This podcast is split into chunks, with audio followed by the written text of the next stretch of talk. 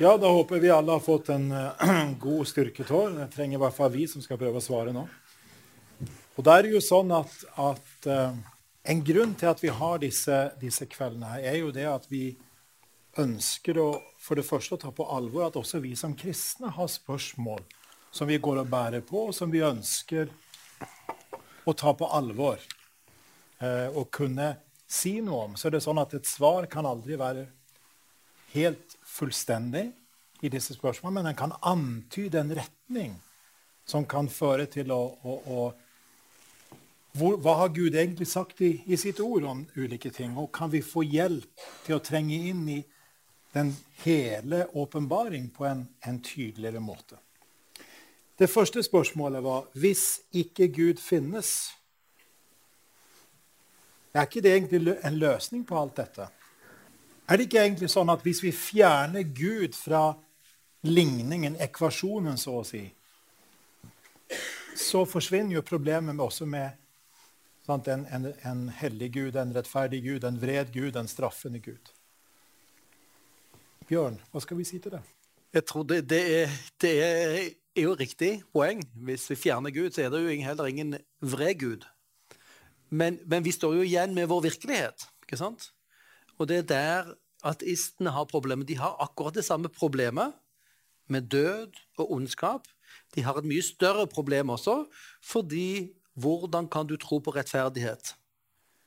Det fins ikke rettferdighet i et rent naturlig univers, ikke sant? hvor de, de fleste er jo døde. Og de har jo aldri fått rettferdighet. De kommer aldri til å få det. Så de, de, har et, de har et kjempestort problem i forhold til ja, både at det onde er der fortsatt, og i forhold til håp om at det skal bli bedre. Ok, du kan jo alltid håpe, men med tiden skal vi jo alle dø. Og urettferdighet kommer jo aldri i prinsippet til, til å bli gjort opp. Så vi kan vel si at i første omgang så virker det som en løsning. Mange oppfatter det sånn. Men når vi ser på det nærmere, så ser vi at det onde, lidelsen, volden, er der. Og det har ingen løsning. Og faktisk, som Bjørn sier også, det fins jo dypest sett ingen norm for hva som er godt og vondt. For den normen er jo Gud selv, i sin hellighet. Eh, og de majoriteten av ateistiske tenkere erkjenner et problem her på dette, når, når, de, i hvert fall mange av dem når de er ærlige. ikke sant? Så, så, det er ikke bare vi kristne som tenker på dette, men, men, men det er verdt å, å, å, ta med seg. Vi kan jo føye til der kanskje en av de skarpeste ateistene, Friedrich Nietzsche, som sa akkurat dette her samme. Hvis Gud ikke finnes, ok, da forsvinner jo moralen. Og han ga et veldig sterkt argument for at vi må jo kvitte oss med moralen. fordi Moralen er jo egentlig, altså At det finnes én moral for alle mennesker, er jo egentlig forankret i forestillinga med én Gud for alle mennesker. I det øyeblikket den forsvinner, så ser man at moralen er en fiksjon. Mm. Og, og, Nietzsche sa også at da forsvinner rett og galt ut og blir erstattet av makt. Mm. Og han snakket om übermensch, overmenneske, mm. som vi finner igjen i nazismen. Mm. Som plukket opp tankene. Og da ser vi plutselig hvor livsfarlige tanker kan være hvis de løpes helt ut i sin konsekvens. No, noe av disse tankene finner vi igjen i fascistiske bevegelser også i dag. Vi, I vårt moderne opplyste demokrati så er vi veldig vant med å tenke at ja, fred og menneskerettigheter og, og, og, og fordragelighet er si, et gode. Men ikke enig i det. Nietzsche var ikke enig i det. Det, det skaper veike mennesker.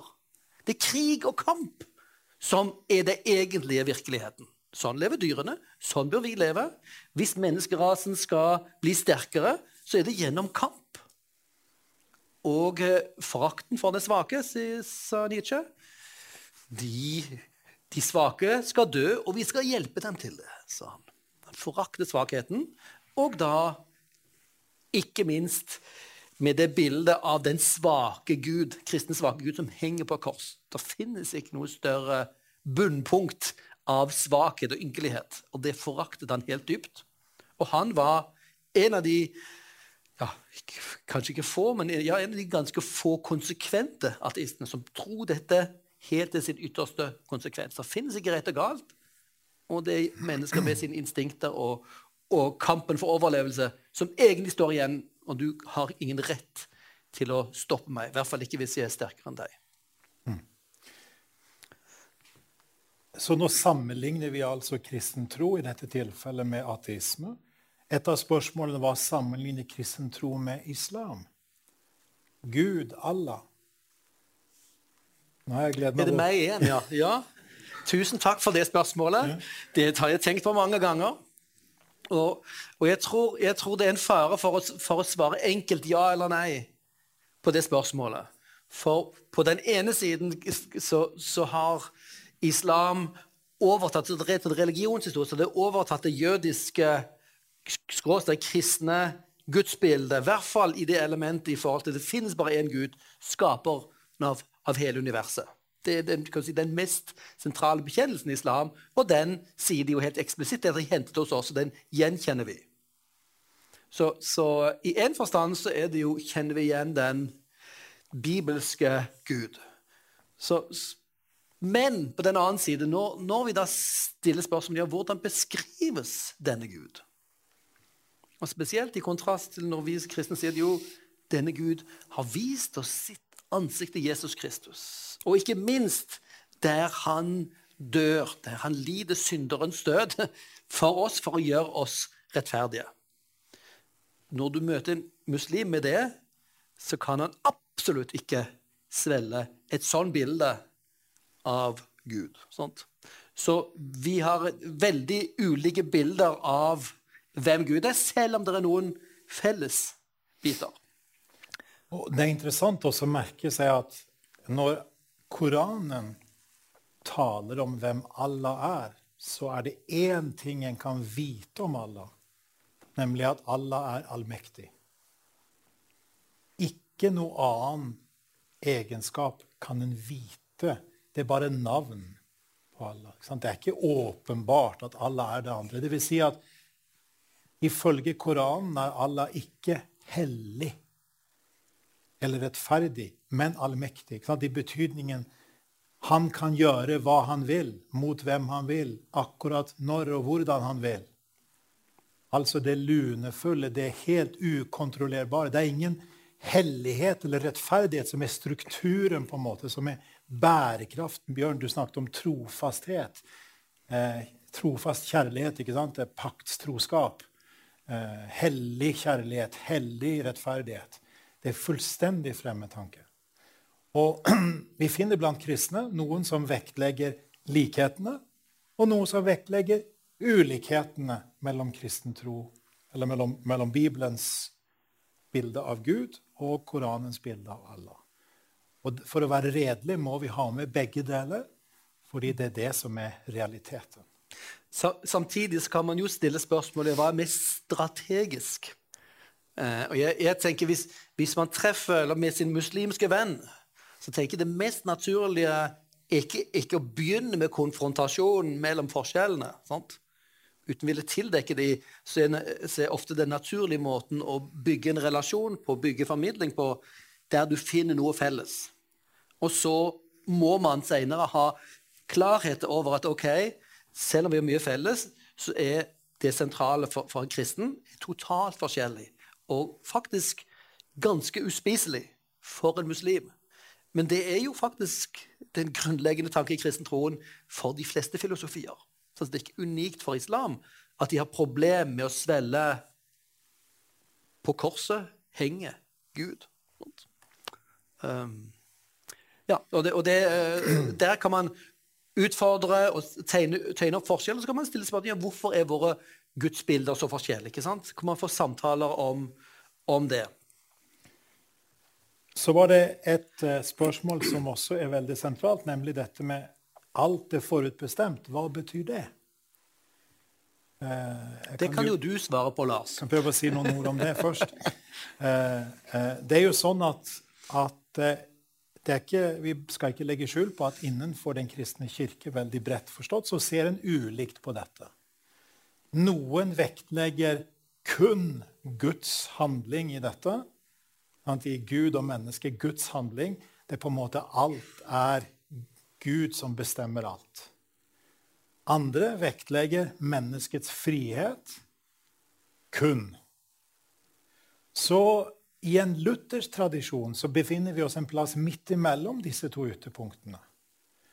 Og Derfor så er det vanlig å snakke om at utvelgelsen er i Kristus. Utvalgt i Kristus er ikke den Trygve Bjerkrem sang her, som er veldig flott, som setter ord på akkurat det. Altså Poenget er at Gud har valgt en vei som er utvelgelsen. Og når vi kommer til tro på det, velger å tro på det, så er det Guds måte å velge oss ut på. Og så har jeg av og til brukt bilde av, av, av, av, eh, at kristen tro er som et hus, frelsens hus. og På utsida står det 'tro', du skal bli frelst. På innsida så leser vi 'det var Gud som gjorde det'. At Gud som kalte oss, opplyste oss og også virket i oss når ikke vi gjør motstand, vil, vil, vil en, en, ofte si.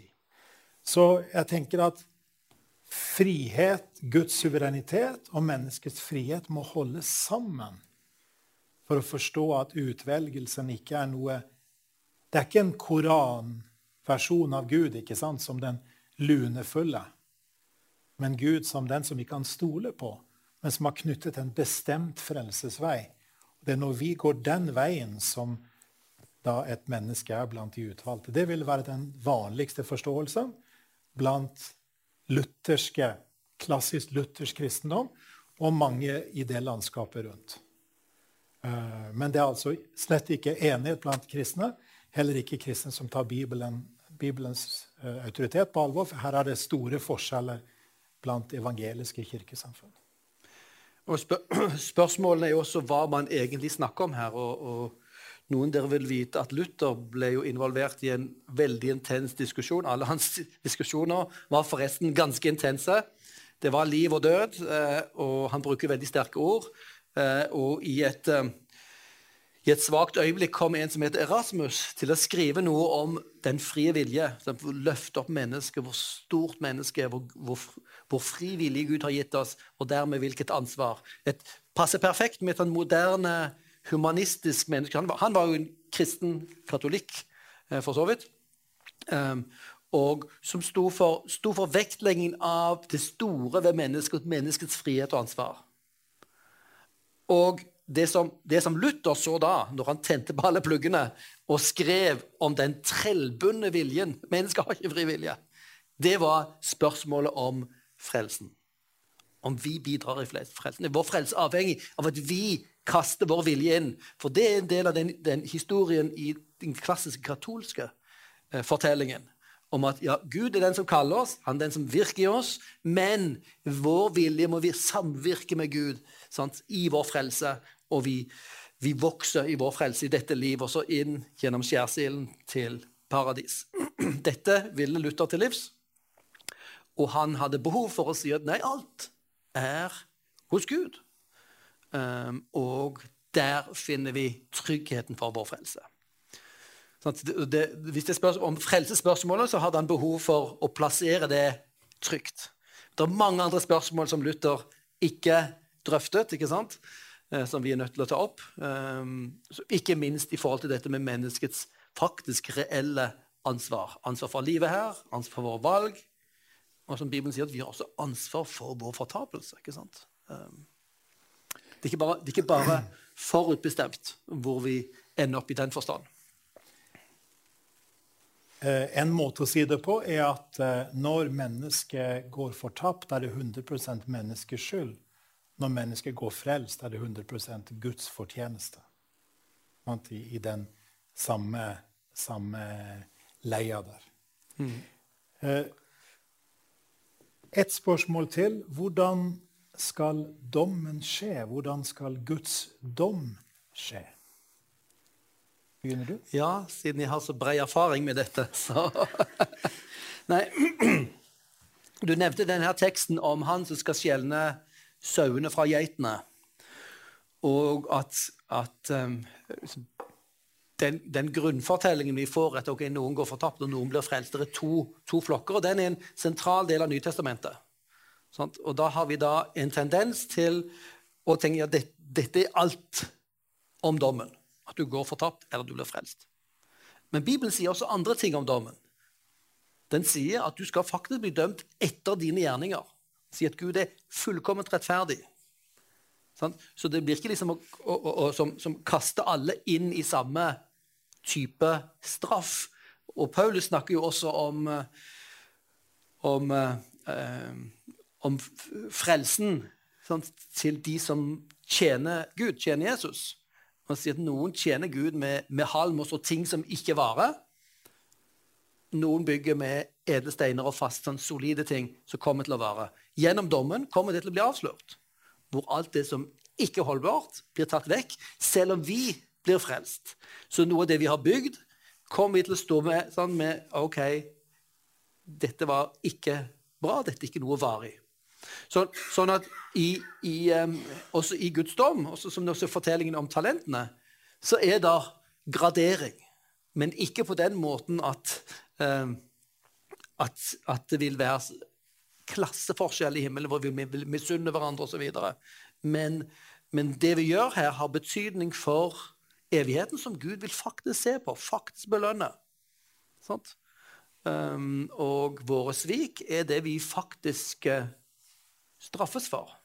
Så, så, så um, jeg tenker det er en helt, helt, grunnleggende ting i forhold til synet på Guds rettferdighet. Når Gud vil utmåle straffen, hva, hva vil straffen innebære for den og den og den? Og vi vet jo ikke det. Her bruker Nytestamentet bilder. sant? Både mørke og ild og utenfor og, og gråt og, sant? og ødeleggelse osv. Um, og som er ment, ment, som et mangfold av bilder av det, det forferdelige sant? i å gå fortapt. Um, men hvor Gud ikke har gitt oss uh, Gud har gitt oss nok til å kunne liksom, gjør ansvarlige valg. Han har ikke gitt oss um, grunnlag for å si hvordan vi, vi blir belønnet, belønnet, eller straffet. Mm.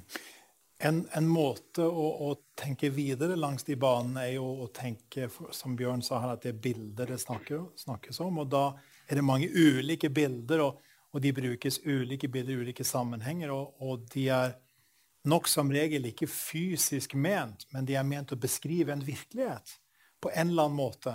Og virkeligheten vil jo for de fleste av oss, hvis ikke vi lever i det øyeblikk hvis vi, De fleste vil sannsynligvis det ligger i sakens natur. og Vi snakker om noe som skjer etter døden, hvis ikke Gud setter strek før eh, vi, mange av oss eller noen av oss dør. ikke sant?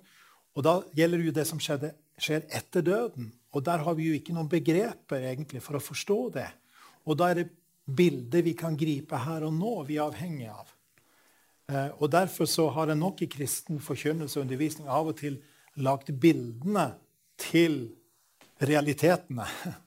og ikke spurt hva bildene henviser til, eh, som på en måte blir det viktige. En sak til er at når Jesus, Det er ofte Jesu lignelse vi snakker om da, f.eks. Og Jesus henvender seg jo alltid til noen når han taler til lignelsen, til disiplene og de rundt ofte. Og han trekker det inn i historien for å, å ansvarliggjøre dem. Så, så, vi også sant? Det er jo litt av forkynnelsesoppgave det å trekke tilhøren, meg og deg og oss alle, inn i fortellingen. Og la oss bli en del av Jesu lignelser også, og ansvarliggjøre oss. Eh, og En av de veldig interessante tingene som jeg i grunnen ikke har vært klar over før jeg lærte fra en god Lausanne-kollega som heter Rudolf Kabutz i Sør-Afrika, som har studert noe som finnes som heter strategic foresight. Strategisk fremtidstenkning. Og han snakker om scenarietenkning. Altså ett fremtiden kan bli sånn eller sånn eller sånn eller sånn. Sant? Alternative bilder av fremtida. Og Jesus tegner ofte ett bilde av fremtida i en lignelse. Og så sier han det vil skje dere, fariseere eller skriftlærere eller disipler. Men det er jo avhengig av at disiplene eller de skriftlærde, hvem det nå er, at de fortsetter sånn som de da er i øyeblikket. ikke sant? Tro på Gud eller ikke tro på Gud. lever i tillit til, til, til, til eh, Guds frelse osv. Så, så, så, så når det gjelder dommen, tror jeg det samme gjelder at hovedsaken er å stille oss til ansvar, trekke oss inn, engasjere oss for vår egen del, for vårt eget liv, og for vår neste. Både i forhold til frelse og i forhold til rettferdighet og barmhjertighet. Så eh, jeg vet ikke om vi kan svare på hvordan dommen faktisk skjer, utover at vi vet at det skal skje. Men om vi vet hvordan det skal skje, det, det vet ikke om Bibelen gir grunnlag for å si noe om. Men ikke sant? Fordi da er det bilder som brukes, og de bilder er for å forstå at, at, at. Jeg, jeg tenker Kanskje en av de viktigste tingene her er jo spørsmålet kan vi stole på Gud. Er Gud god? Er Gud virkelig rettferdig her? Og det er jo en av de sentrale utgangspunktene våre, og som er jo også altså, grunnen for at han faktisk vil dømme og stille ansvarlig og straffe. Sånn, det har med Guds godhet og fullkomne rettferdighet. Eh, og, og jeg kom til den overbevisningen om at okay, når vi ser Guds dom, som, som ikke bare skjer etter vi dør, men det skjer jo etter oppstandelsen, og alle mennesker skal få kroppen sin igjen, og da skal vi vår dom skjer i den kroppen og med den kroppen vi har gjort, eh, vi har handlet med. Så holder Gud oss ansvarlig sant? etter oppstandelsen. Eh, når, når, vi hører den dommen, så vil vi alle se at den er fullkomment rettferdig. Det er jeg ganske overbevist om. At den er så tydelig, og det viser hva vi har gjort, og hvem vi er. Og alle de, den tåkeleggingen som vi er ganske flinke til å gjøre her, den vil forsvinne. Um, sånn at også, også Guds dom blir faktisk grunnlag for en lovprising av Guds godhet og fullkomne rettferdighet. Um, så er det to spørsmål eh, om hvorfor gjorde Gud det så vanskelig, og eh, spørsmålet på vegne av forsamlingen fra Bjørn om eh, Gud, er Guds sønn en tilfeldig løsning, som egentlig vi tar med oss videre nå inn i det vi skal snakke om eh, når det gjelder andre del her. Og da skal vi gå til kanskje et av de skal vi si, dypeste stedene i Nytestamentet dere kjenner kanskje igjen at dette er Romerbrevet 3, 25 og 26. Ham er altså Jesus. Har Gud stilt synlig fram for at han ved sitt blod skulle være soningsstedet for dem som tror. Hvis vi trykker på pauseknappen, hva er sagt da? Jo, Jesus er både åpenbaringen stilt synlig frem, og han er det sted der soningen skjer. Hans legeme er det sted der soningen skjer. Og ordet for soningssted I andre oversettelser vil vi møte ordet nådestol her, som selvsagt bringer oss tilbake til Det gamle testamentet eh, og, og, og paktsarken osv. Slik viste Gud sin rettferdighet. Da kan vi lure på hvordan gjorde han det? Jo, ved at Jesus var soningsstedet. Soningen skjer, og da er det rettferdigheten vises to veier, kommer det videre. Ok, Gud hadde vært tålmodig. Han hadde holdt tilbake straffen. Og det er jo et grunnleggende tanke i Bibelen at Gud ønsker at mennesker skal bli frelst. Bjørn vekla det tidligere. Sant? Guds kjærlighet. Gud ønsker, altså holder han tilbake dommen. Det finner vi i uh, Nytestamentet veldig tydelig andre steder også. Men i vår tid vil han vise sin rettferdighet, altså med det som skjedde med Jesus som nådestolen, soningssted. Så kommer det både at han selv er rettferdig Altså, ved at Jesus er soningsstedet vår stedfortreder, så kan Gud fortsette å være rettferdig. Gud slutter ikke å være rettferdig. Som regel tror jeg vi det andre ledd i den, det flotte, fantastiske, at Gud tilregner eller kjenner den rettferdige som tror på Jesus. Sånn? Domserklæringen, rettferdiggjørelsen. Fantastisk budskap. Men det er to budskap her. For det det andre er på vår side at det er løsning for oss å få tilregna rettferdighet. Jesus har vunnet noe som vi blir gyldig for oss ved troen på han. Ok? Han kjenner den rettferdige som tro på Jesus. Med andre ord hvordan viser Gud sin rettferdighet? Hvordan kan han tilgi oss? Jo, fordi det er en som har sont i vårt sted. Løsningen på vår side er at vi erklæres rettferdige for hans skyld når vi tror på ham. Løsningen på Guds side er at Gud fortsatt kan være rettferdig, fordi Guds rettferdige krav er oppfylt til fyldest. Med andre ord den grunnleggende rettferdigheten i universet er fortsatt til stede. Guds moralske karakter han har ikke gått på kompromiss med det. Eh, jeg husker en gang når jeg hørte den som grunnla Labri-bevegelsen, Francis Schaefer, som var meget intens i sin utleggelse på svenske Labri-senteret en gang. og Da satt ute i hagen og hørte på det. og det var så, Han var så ivrig når han skulle formidle dette her, at han som var leder, da måtte gå ut og be meg gå inn, for naboene kunne lure på hva som skjedde. Eh, men det er noe med det engasjementet her for å se at det er løsning på to sider. Vi trenger å se det. ikke sant? Det er løsninger på vår side, men det er også løsningen på Guds side. Gud ble vårt problem. Kristus som soningssted er møtestedet mellom Gud og menneske.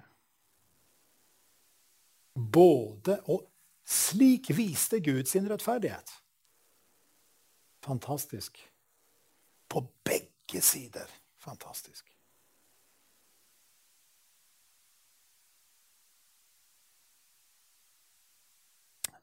Da kommer et spørsmål. Er stedfortredende straff, som vi snakker om er det rettferdig, eller er det urettferdig?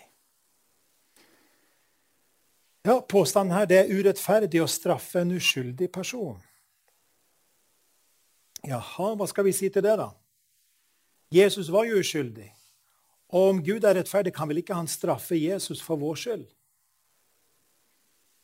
Hadde det vært interessant hvis vi nå hadde tatt en pause og vi hadde snakket sammen om det?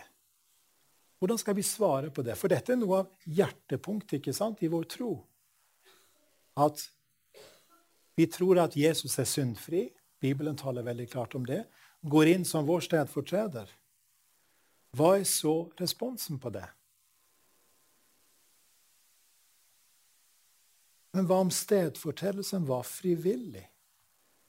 at sønnen frivillig tok straffen på seg. Den uskyldige går frivillig i døden for skyldige. Her er vi virkelig inne på dypt vann. En av de som har jobba særlig med disse spørsmålene i det siste par årene, er en av de mest skarpskodde kristne filosofene i dag, som heter William Lane Craig. Han er for øvrig i Danmark akkurat nå, i Aalborg.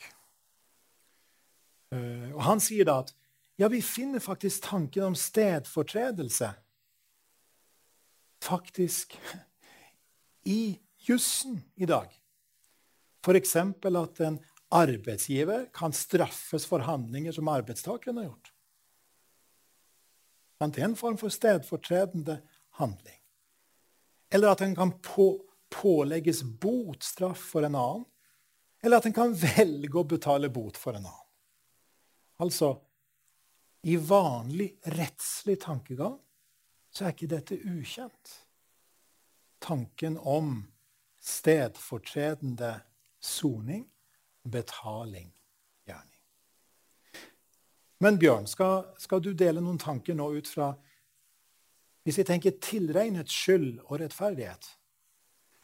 Ja, for, for eh, det som han, han, har skrevet en bok nå som heter The Atonement, William Lane Craig. Veldig lite hefte, men det er faglig meget høyt nivå. Og han sier at her, på dette feltet, så har ikke teologene og filosofene jobbet godt nok.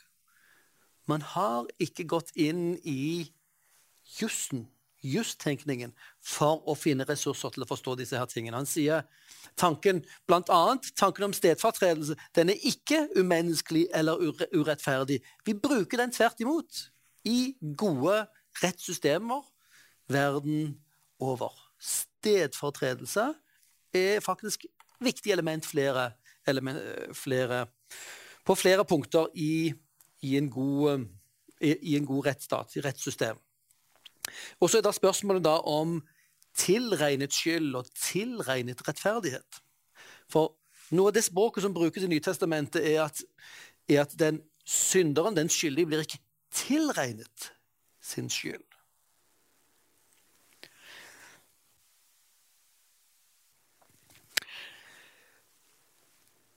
Og det vil si at du har en som er skyldig, men regnskapet er tuklet med. Sånn at han ikke framstår som skyldig. Er ikke det problem? Betyr ikke det at vi bedrar systemet? Vi bedrar virkeligheten? Der henter, fram, der henter um, William Lane Craig fram altså juridiske fiksjoner. Det vil si, man setter ord på en ting som ikke er basert i virkeligheten. Det er ting som skjer i jussen stadig. Et eksempel som han gir, er, er noe som han begynte med i, i, i moderne tid. Vi hadde masse skip som kjørte rundt med ulovlig gods, sant, som, som bl.a. slaver og, og, ting, som var ulovlig.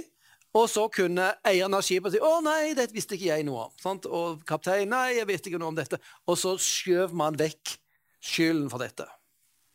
Det man fant opp, jeg tror det var i England, var da OK, det vi gjør Vi gjør båten til en person.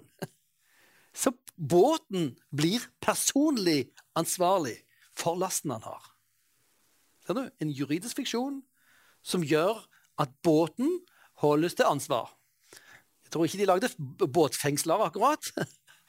Men du ser, du, en båt er kjempeverdifull, sant? så båten blir da straff. Man visste den verdien som en, en båt er. Og dermed man med, opererte man med båter som personer for å kunne trekke de for domstolen og skape rettferdighet. Noe man ellers ikke kunne gjort. Sant? Så fiksjoner er, er, nyttige, er nyttige ting som eh, juristene faktisk bruker. Det gjelder også dette med, med tilregning av skyld. Altså sett at du, eh, du er en arbeidsgiver, du er i et svært firma, og så gjør dine eh, arbeidstakere noe høyst ulovlig. De mishandler folk, eller um, de holder på i gang en prostitusjonsring, eller de bedrar. Sånt. På noen av de elementene så blir du ansvarlig for det de gjør. Jeg vet ikke hvilke elementer faktisk juridisk. På sett og vis er de ansvarlige for gjerningen. De, de kan bli straffet. Men du som, du som, arbeidsgiver har faktisk et ansvar, og du kan bli straffet for det dine arbeidere gjør. Da blir du tilregnet skyld. Du har ikke gjort noe galt. Du har ikke gjort noe klanderverdig.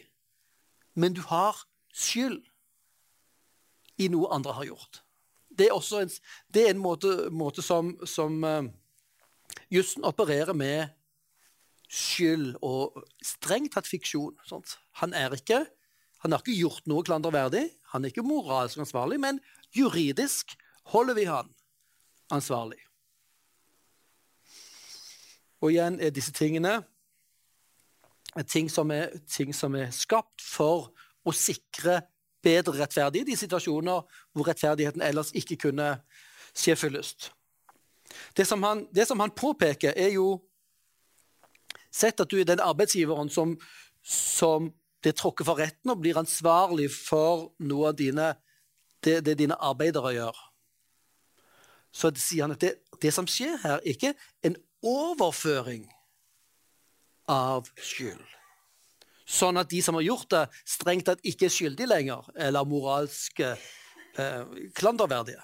Nei, det er en, en um, det, replikasjon, kalte han det. Ja, det gjentas. Det som de har gjort, tas over på deg.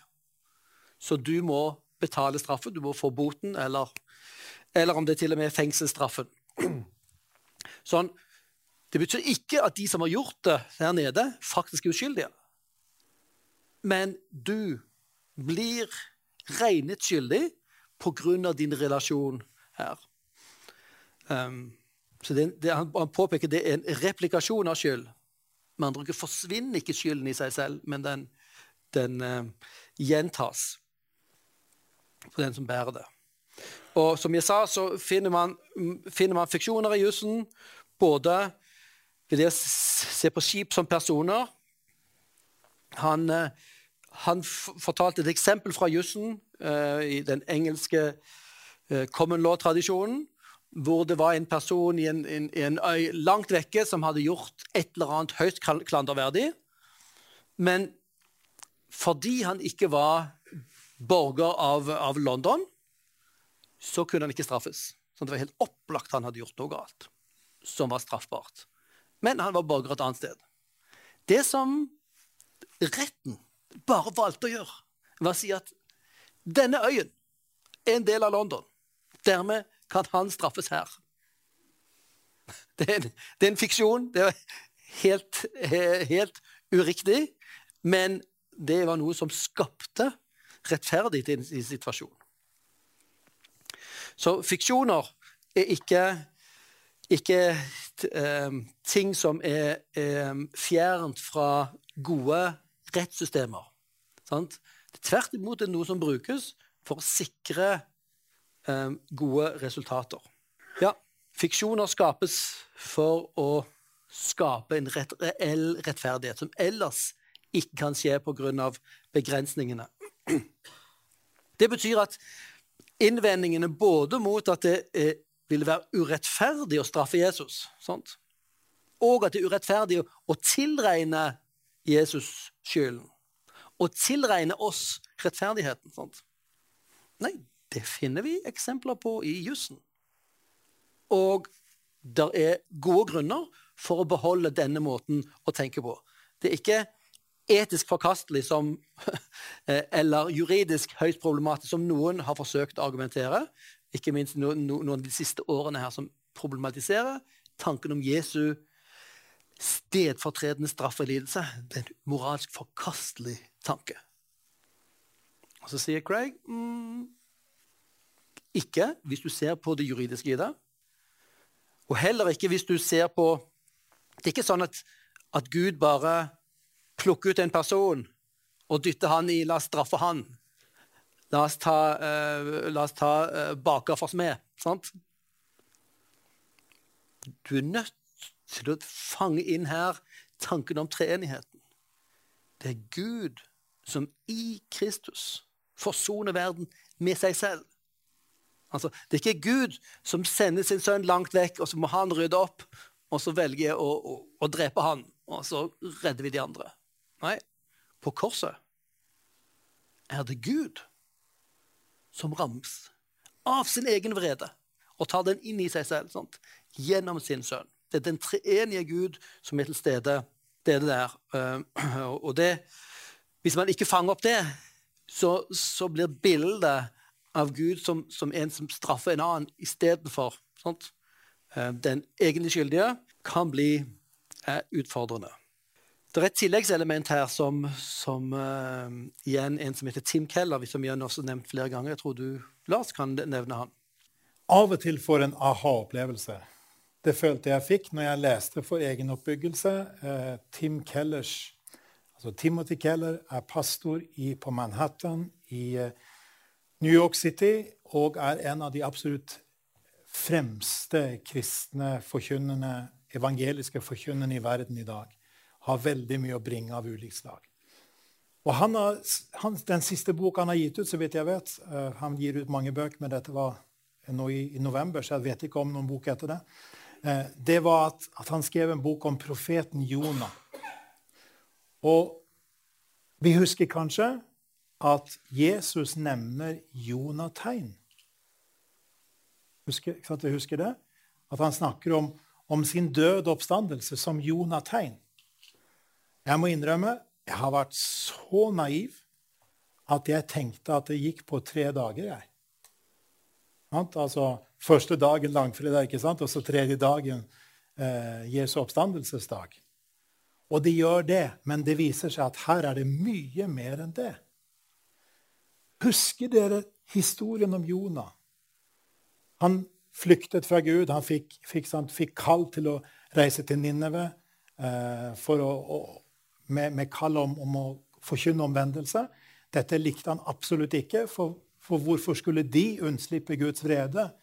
Disse, var, de var jo verd Guds vrede, på en måte var hans tanke. Eh, og så havner han på en båt. Og så viser det at På den båten så er det bare han som er jøde. Alle de andre er hedninger. Så han prøver å flykte unna hedning, altså ikke-jødene og havner på en båt. Det viser at de er mye mer rause og redelige enn han. viser seg, Og så kommer det en svær storm. Husker dere kanskje fra Jonas' bok? Og eh, det viser seg at det er en merkelig storm som er mye sterkere enn det er grunn til å tenke og tro. og Det er noe som ikke stemmer helt. Og til slutt så skjønner de andre at det er Jonas som er problemet. Hva er det Jonah tilbyr seg å gjøre? De vil ikke kaste ham på sjøen. Men han tilbyr seg å kastes på sjøen for å løse deres problem. Altså, vi snakker om en stedfortredende handling til beste for sjømennene om bord. Og så sier, sier eh, Tim Keller i denne boka at egentlig er det sånn at når vi ser rundt oss An all sann kjærlighet innebærer offer. All sann kjærlighet har noe stedfortredende ved seg.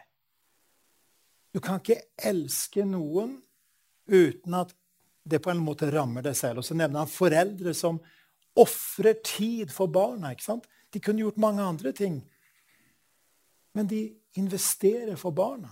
De, de, de, det skjer et offer. Eh, og da, Derfor gir det mening at en Gud som er mye mer kjærlig enn deg og meg, en Gud som kommer inn i verden for å virkelig gjøre noe med det endelig onde, den absolutte synden, at det skulle være en stedfortredende lidelse, er noe av mønsteret som vi møter som mennesker. To ting var aha-opplevelse for meg her. Det ene var at Jonah tegner er mye dypere enn vi i utgangspunktet tenker. Ja, det har med første, andre og tredje dag å gjøre, men noe mye dypere at i Jonas' fortelling så møter vi det at profeten er villig til å gi sitt liv for sjømennene. Så roer seg stormen. Så vet vi at Gud gjør et under og redder Jonah. Men han følte jo at han var solgt og var, visste jo ikke om han skulle komme ut av, av den store fisken. Det vet vi at han gjorde, men han visste jo ikke det. Så det var jo på en måte fra, fra, fra, det, fra noe til noe nesten føltes enda verre. ikke sant? Så det er klart at det var virkelig offer det var snakk om. Og så ser vi at stedfortredende offer har noe med det grunnleggende i livet å gjøre. Og det vektlegger Tim Keller, at enhver sann kjærlighet innebærer å ofre for de en er glad i. Vi kan tenke over at sånn er det i ekte relasjoner. Ektefeller imellom, foreldre, barn, nære venner osv. osv. Det ligger alltid noe av et offer i en sann kjærlighet. Når vi skal prøve å fange inn hele bildet i Nytestamentet, så ser vi apropos, Vi snakket om bilder på dommen i stad. Men det som skjer i Nytestamentet, er at, at eh, når Nytestamentet formidler til oss, lærer oss om Jesu død, så er det med hjelp av bilder fra ulike deler av livet. Det er fra offerterminologi, offerbegreper. Det er fra markedet, torget, kjøp og salg. Det er fra rettssalen, som vi var inne på i stad, og det er fra hjemmet. Eh, en annen forfatter som heter Alistair McGrath, har ligna dette ved at Dere vet når en holder opp et prisme mot lyset.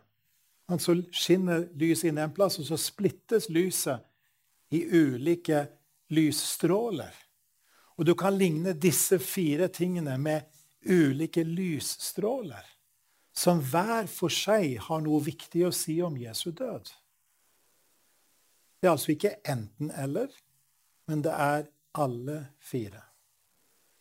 Hvordan er frelsen? Jo, frelsen når vi tenker hele Gammeltestamentet, off, offer, eh, så var, pekte de frem mot soningen. Vi snakket i stad om soningsstedet.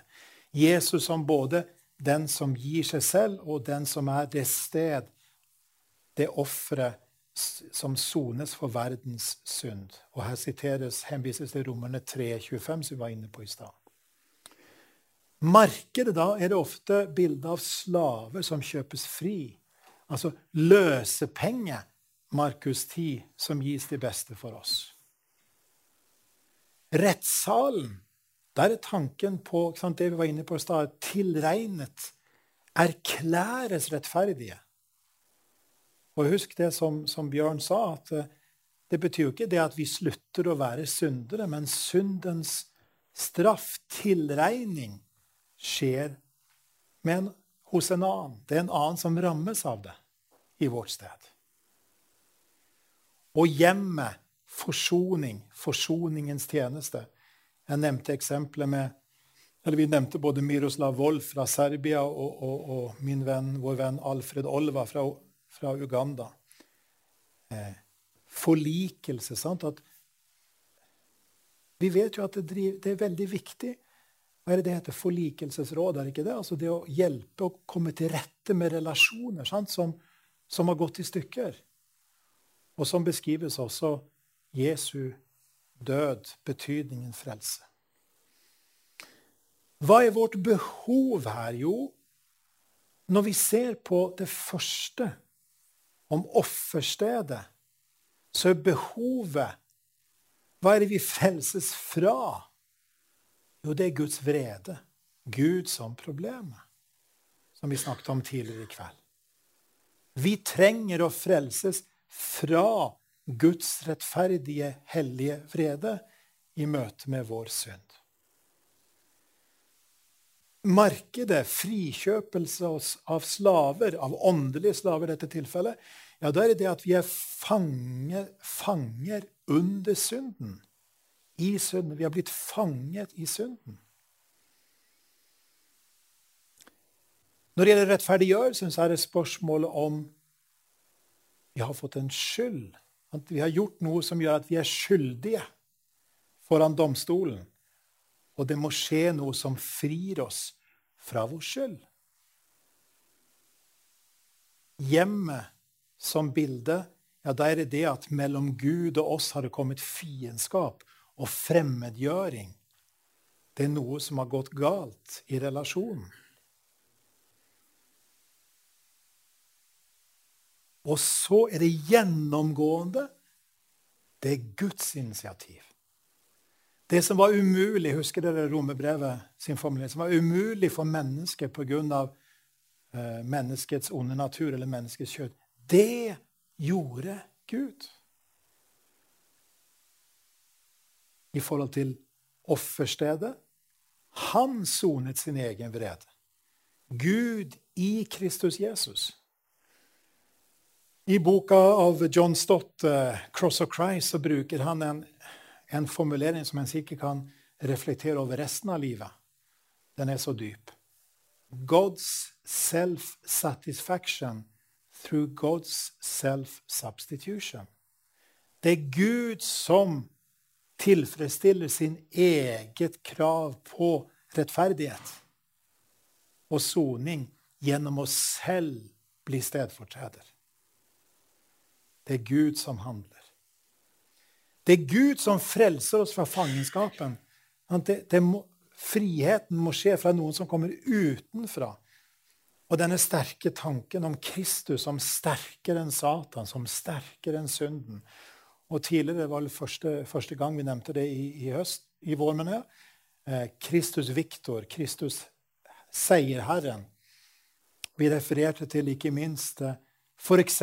i Etiopia, ikke sant? der vekkelsene erkjennelsen av at det er en som er sterkere enn de mørke maktene, de onde maktene. Og så vokser det frem en erkjennelse av noe av det andre etter hvert. Og kanskje vi trenger å minne, oss, minne hverandre på at det er også en viktig dimensjon. Rettssalen, ja, det er Gud som kan erklære oss rettferdige. Guds initiativ, det er han som har retten til å gjøre det, fordi han er rettferdig. Sammenlign ville vise sin rettferdighet, Romerbrevet 3, 25 og 26. ikke sant? Både, vers 26, både at han selv er rettferdig, og at han erklærer den rettferdig. For Jesu sonoffers skyld. Og så er det da hjemmet. Det er han som forsoner oss med seg selv. Og Så står det da i 2. Korinter B5 for eksempel, vi har fått forsoningens tjeneste. Å, og, og kalle inn til å la seg forsone med Gud. Um, her er jo det hebraiske ordet for fred veldig talende. Shalom. Sant? Det som har gått i stykker, er blitt helt igjen. I Jesus Kristus bringes det som har gått i stykker, tilbake til en harmonisk relasjon. Ser dere prismet? Sant? Alle disse fire strålene, så å si, er Jesu død. Betydningen av det er ikke én av disse tingene, men det er alt sammen. Og så kan vi få hjelp av å forstå bakgrunnen for de ulike bildene når vi kjenner hvor er de henta fra, hvilken del av, av samfunnet eller hvilken del av hverdagslivet er det henta fra, og hva ligger det i dette. Eh, et sitat her. Er det stått? Stedfortredelse er ikke en teori eller et bilde blant de andre. Det er essensen av hvert av bildene og hjertet i selve forsoningen. Det er sterkt sagt. Det går ikke an å velge vekk Jesus stedfortredende død som et sånt eh, valgfri alternativ. Det kan vi velge om vi vil ha med eller ikke, sier John Stott her. Og det er ikke en teori, sant? det er ikke en, en teoretisk tilnærming, det er en virkelighet. Gud går i vårt sted. Guds sønn blir vår stedfortreder. Og det er selve hjertet hele veien i selve forsoningen. Da kan det jo passe å komme tilbake til Romerbrevet 3 igjen, kan ikke det? Ham har Gud stilt synlig fram for at han ved sitt blod skulle være soningsstedet for dem som tror. Slik viste Gud sin rettferdighet. Og han hadde tidligere i tålmodighet holdt tilbake straffen for de synder som var begått. Men i vår tid vil han vise sin rettferdighet. Husk de to veiene. Både at han selv er rettferdig, Guds rettferdighet er ikke brutt. Guds rettferdighet står ved lag.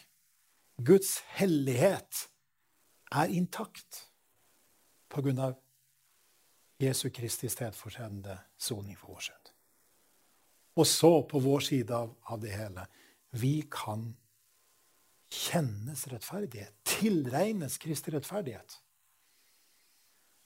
Og den, det vers som i seg selv samler det, er jo Romerbrevet eh, 4 25, er ikke det? Han døde for våre synders skyld og sto opp for vår rettferdiggjørelses skyld. Og andre kor 5, 21, at Kristus, Jesus, ble tilregnet vår synd, og vi ble tilregnet hans rettferdighet. Det som eh, Rosenius og andre kalte det salige byttet. Og Det er helt opplagt at i vår tradisjon i, Hvis vi med vår tenker på Misjonssambandets tradisjon, Misjonshuset her, så har vi en luthersk roseniansk tradisjon der noe av dette har vært løftet frem. Mer enn i andre sammenhenger, kanskje. Men så tror jeg at vi også trenger å løfte frem dette leddet, at han selv er rettferdig, sammen med det andre. Så vi ser at Kristi stedfortredende lidelse er enda rikere, enda større, enda bredere, enda mer helhetlig, enda mer talende til alle deler av livet enn vi kanskje tenkte. Det er Og hvis det er sånn, hvis Tim Keller har rett, at sann kjærlighet er alltid har et element av stedfortredende oppofrelse å gjøre for andre som en er glad i. Da vil det si at det at Gud er i sin sønn lir en stedfortredende død, er ikke et fremmed element for oss mennesker. Men tvert imot møter vi overalt på en måte skyggebilder av Jesu stedfortredende lidelse, som peker i retning av at dette er Gud som har lagt ned noe i menneskers hjerte. Skal vi da spørre Vi er vel egentlig nesten på overtid nå, er vi ikke det? Skal vi eh, se hvis det er noen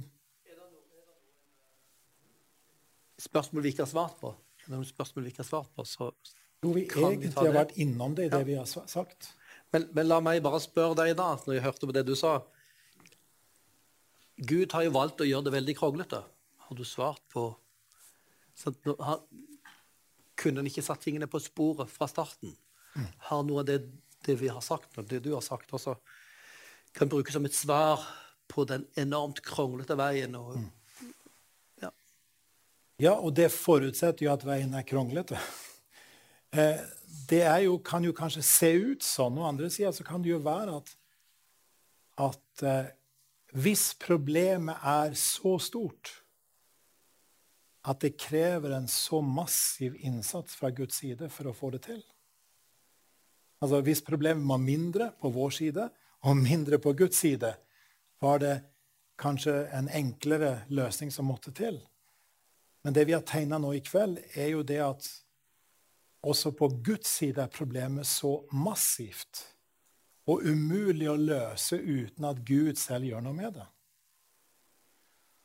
Så jeg tenker at det er en, en måte å si noe om i, i, møte med det spørsmålet på. At for å komme, møte, for å komme oss i møte, vi som ikke kan frelse oss selv, verken ut fra problemet på vår side, og som absolutt heller ikke kan løse Guds vrede og hellig rettferdighet i møte med vår synd, ja, da måtte Gud bli menneske og sone vår synd. Uh, og det måtte et menneske til, og det måtte et gudmenneske til. har vært den klassiske kristne forklaringen på det. Uh, det er jo interessant da at eh, C.S. Lewis, som har skrevet Narnia-bøkene, snakker jo om noen plasser at altså, han, han, var ekspert på myter. Og hvis noen av dere har kanskje hørt om 'Ringenes herre', som en veldig kjent bok skrevet av, av Tolkien, eh, som liksom en av de store bestselgerne på 1900-tallet Tolkien var katolsk, bekjennende, varmhjerta kristen. De var nære venner. Uh, og det sies at Tolkien ville ikke gitt ut uh, 'Ringenes herre' hvis ikke C.S. Lewis hadde oppmuntret han til det.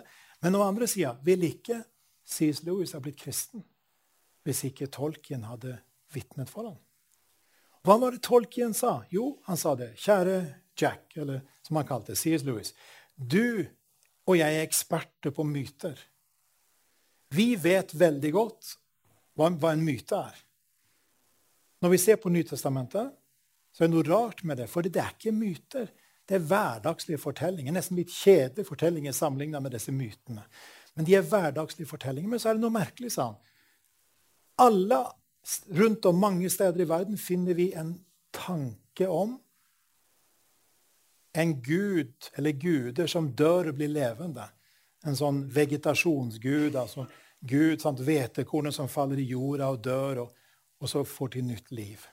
Tanken om guder som dør og blir levende igjen. I gudemytenes verden. Tenk over, sa tolken til C.S. Lewis. Kan det være at det er et skyggebilde av det som skjedde det sted der slike myter ikke finnes, nemlig Gamle testamentet og fortellinga om Jesus, og at Jesus er myten som ble fakta? Myten som ble virkelighet. Han er den oppfyllelsen av den, de drømmene, de beste drømmene i den hedenske verden. Og det syns C.S. Lewis var så spennende. Og så det var, møtte han der han var, ikke sant? og førte han inn til å tenke Kanskje var det en indre mening i Guds frelsesvei allikevel? Fordi her var det en oppfyllelse av det som var de drømmene der ute. Så tror jeg Gud møter oss på andre måter i dag, for vi har ikke den bakgrunnen. sant? Men, men vi kan eh, F.eks.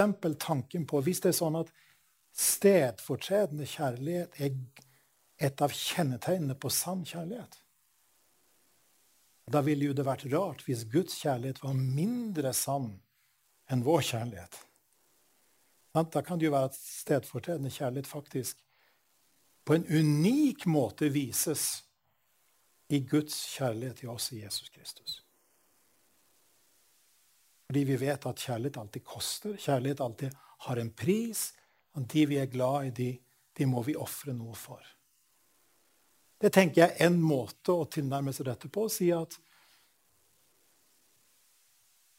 den stedfortredende lidelsen, Guds sønn som lir i vårt sted, det er møter oss på det punkt der vi oppdager at det er sann kjærlighet.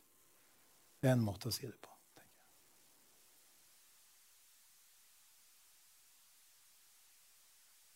Ja, da tror jeg vi får, får avslutte her. Uh, neste, uh, neste, samling så er problemet livet. Som Jesu død har noe å si om. Og vi skal ha med oss da Stefan Gustafsson, som er her på kursdager med kommunikasjon og livssyn. Så kan, det kan dere glede dere til. Og, og, hvis noen av dere har interesse, så kan dere gjerne dukke opp på, på kursdagene våre. Undervisningen er åpen. Men ta kontakt med oss da. Og Da gleder vi oss til å gjøre alle vanskelige spørsmål til Stefan. Ja, nemlig. Vi skyver det videre. Stedfortredende eh, svarmaskin. Mm. Ja, takk for i kveld, og på gjensyn.